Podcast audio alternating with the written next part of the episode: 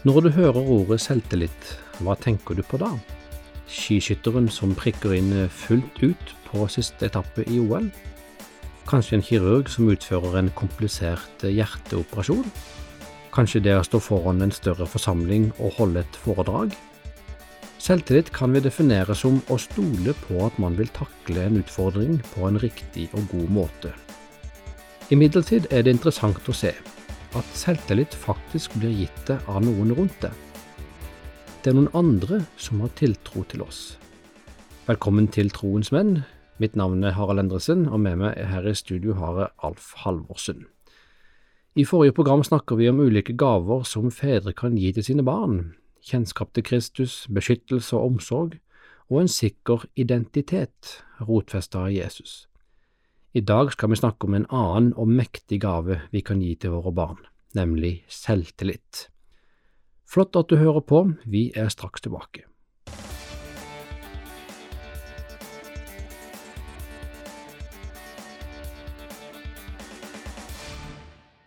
Alf Alvorsen, når jeg tenker tilbake på livet mitt, eh, ser jeg tydelig hvordan Gud har latt meg møte mennesker som har gitt meg en riktig dose selvtillit i akkurat riktig tid.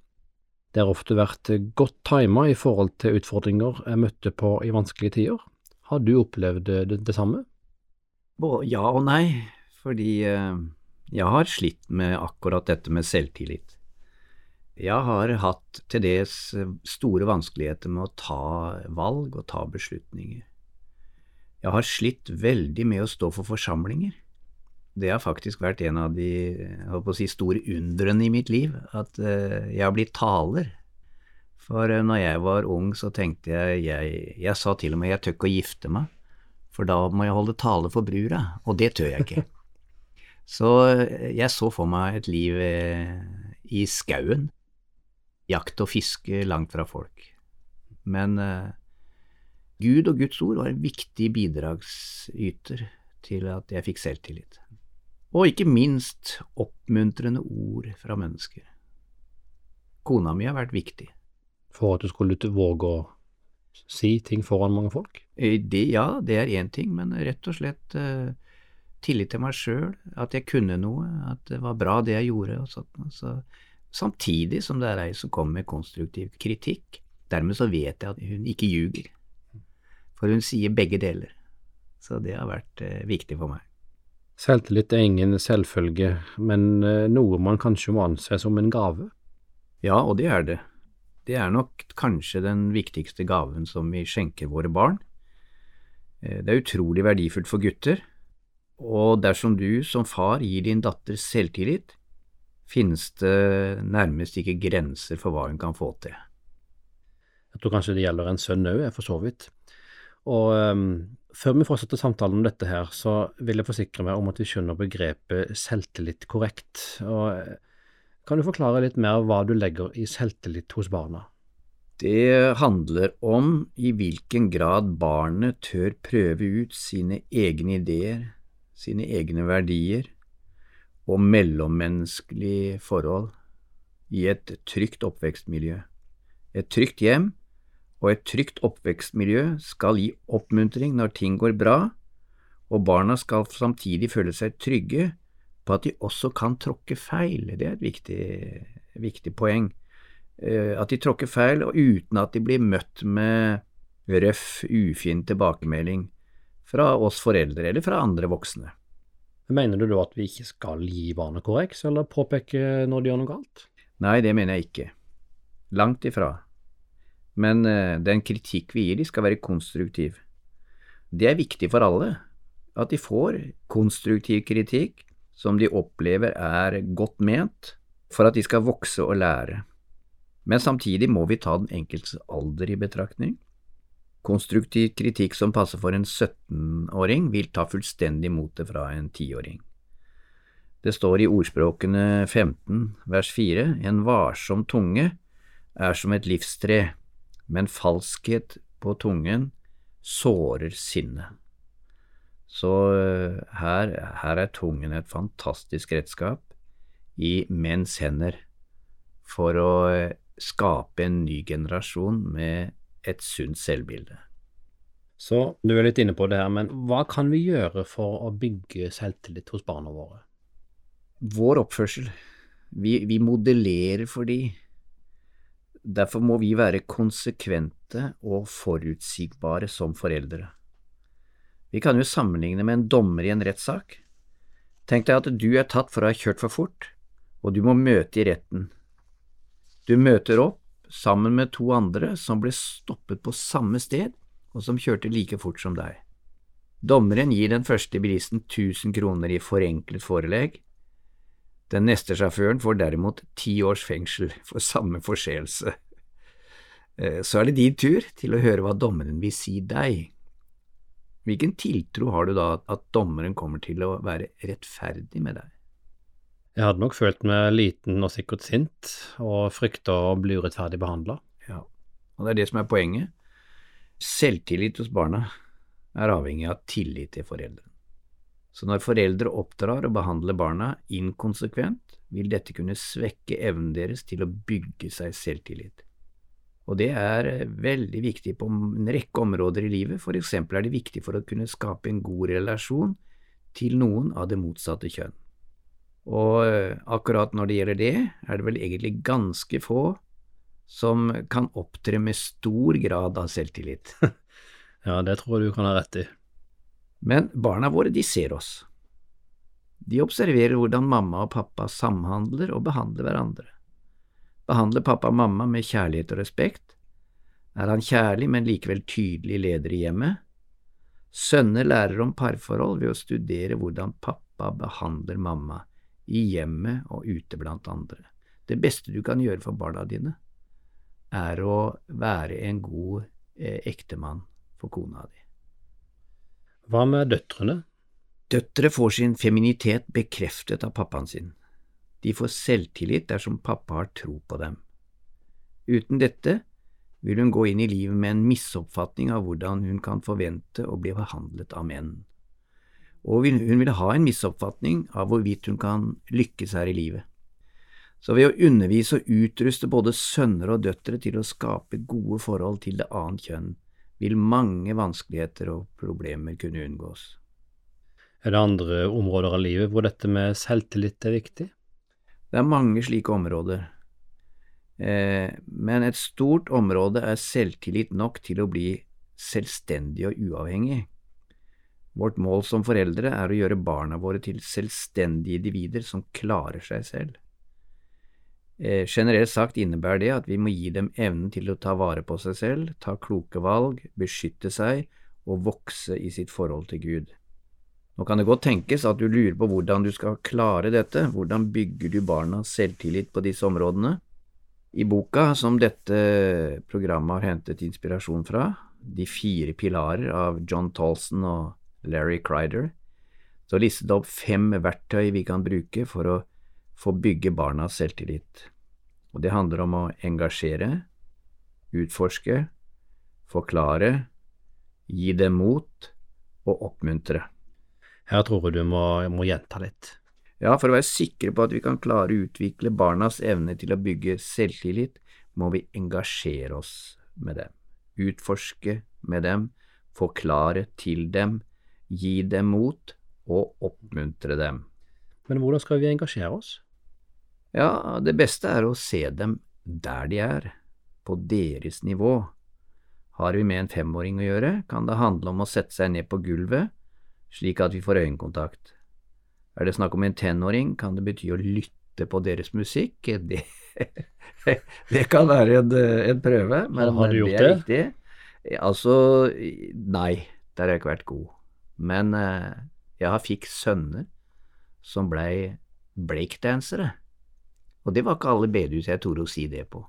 Nå var jo det heldigvis eh, De breaka for Jesus, og det var i Ungdom i oppdrag, så, eh, og de er fremdeles eh, engasjert, sånn at ja, han vil nok si at ikke jeg har vært den beste til å oppmuntre akkurat det.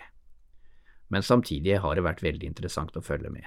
Så det betyr å bry seg om det som du i utgangspunktet også ikke hadde håpet at de skulle satse på. Men eh, det er jo kanskje interessant å se hvordan Jesus engasjerte seg sammen med disiplene sine?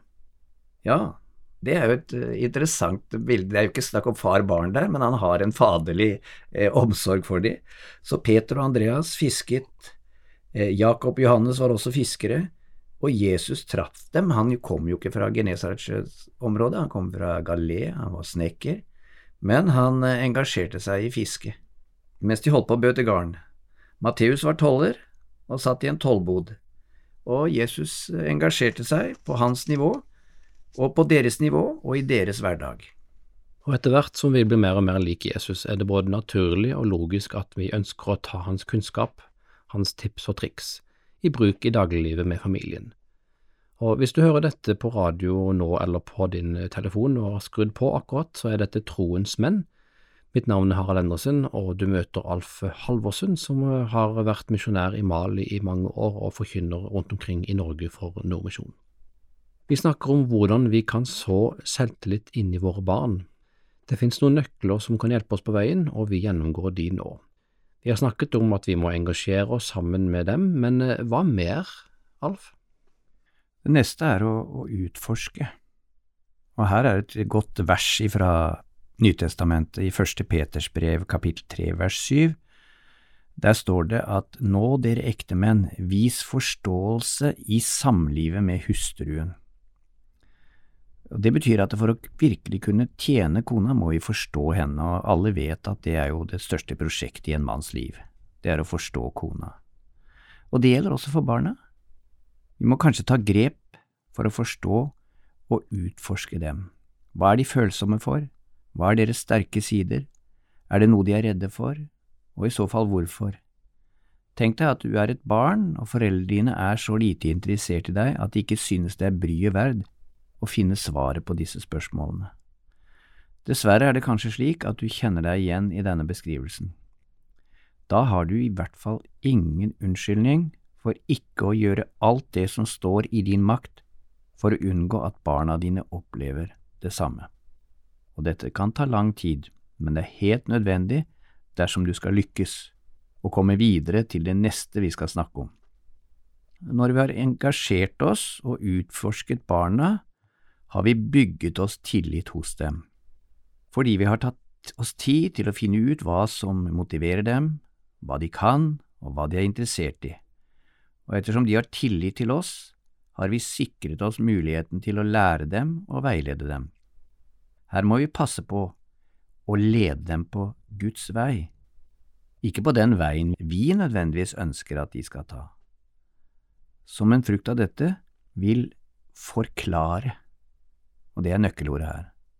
Det å forklare, det blir ikke et press, det blir ikke kritikk eller mas. Det som da vil skje, er at våre forklaringer vil skape vekst for barna. De lykkes, og de oppnår gode resultater. Vi må altså bruke ressurser på å la de forstå, og sette oss inn i det, at det må være en, en logikk i dette vi formidler til dem. Jeg tror nok at en av de aller største utfordringene vi som foreldre møter, er å våge å la Guds vilje skje med våre barn. Vi må unngå at vi, vi forsøker å trykke dem inn i en form hvor vi ønsker de skal passe. Jeg er helt enig med deg i det, og det leder oss frem til det neste jeg vil nevne, dette med å gi barna mot. Har vi gitt dem mot, tør de bruke selvtilliten vi har skapt hos dem, og en ny verden åpnes for dem akkurat som hos en fugleunge som har mot til å fly ut av redet for første gang. Kan tenke deg hvilken overgang. Særlig de som bygger opp på høye fjell og sånn, hauker og, og, og ørner og sånn. Eh, og når barnet først oppdager hvor gøy det er å få det til, vil en indre driv for å lykkes, den vil da ta over. Det høres jo spennende ut, dette. Ja, det er det. Det, det, kan være Det er ikke bare spennende for de, også for oss foreldre.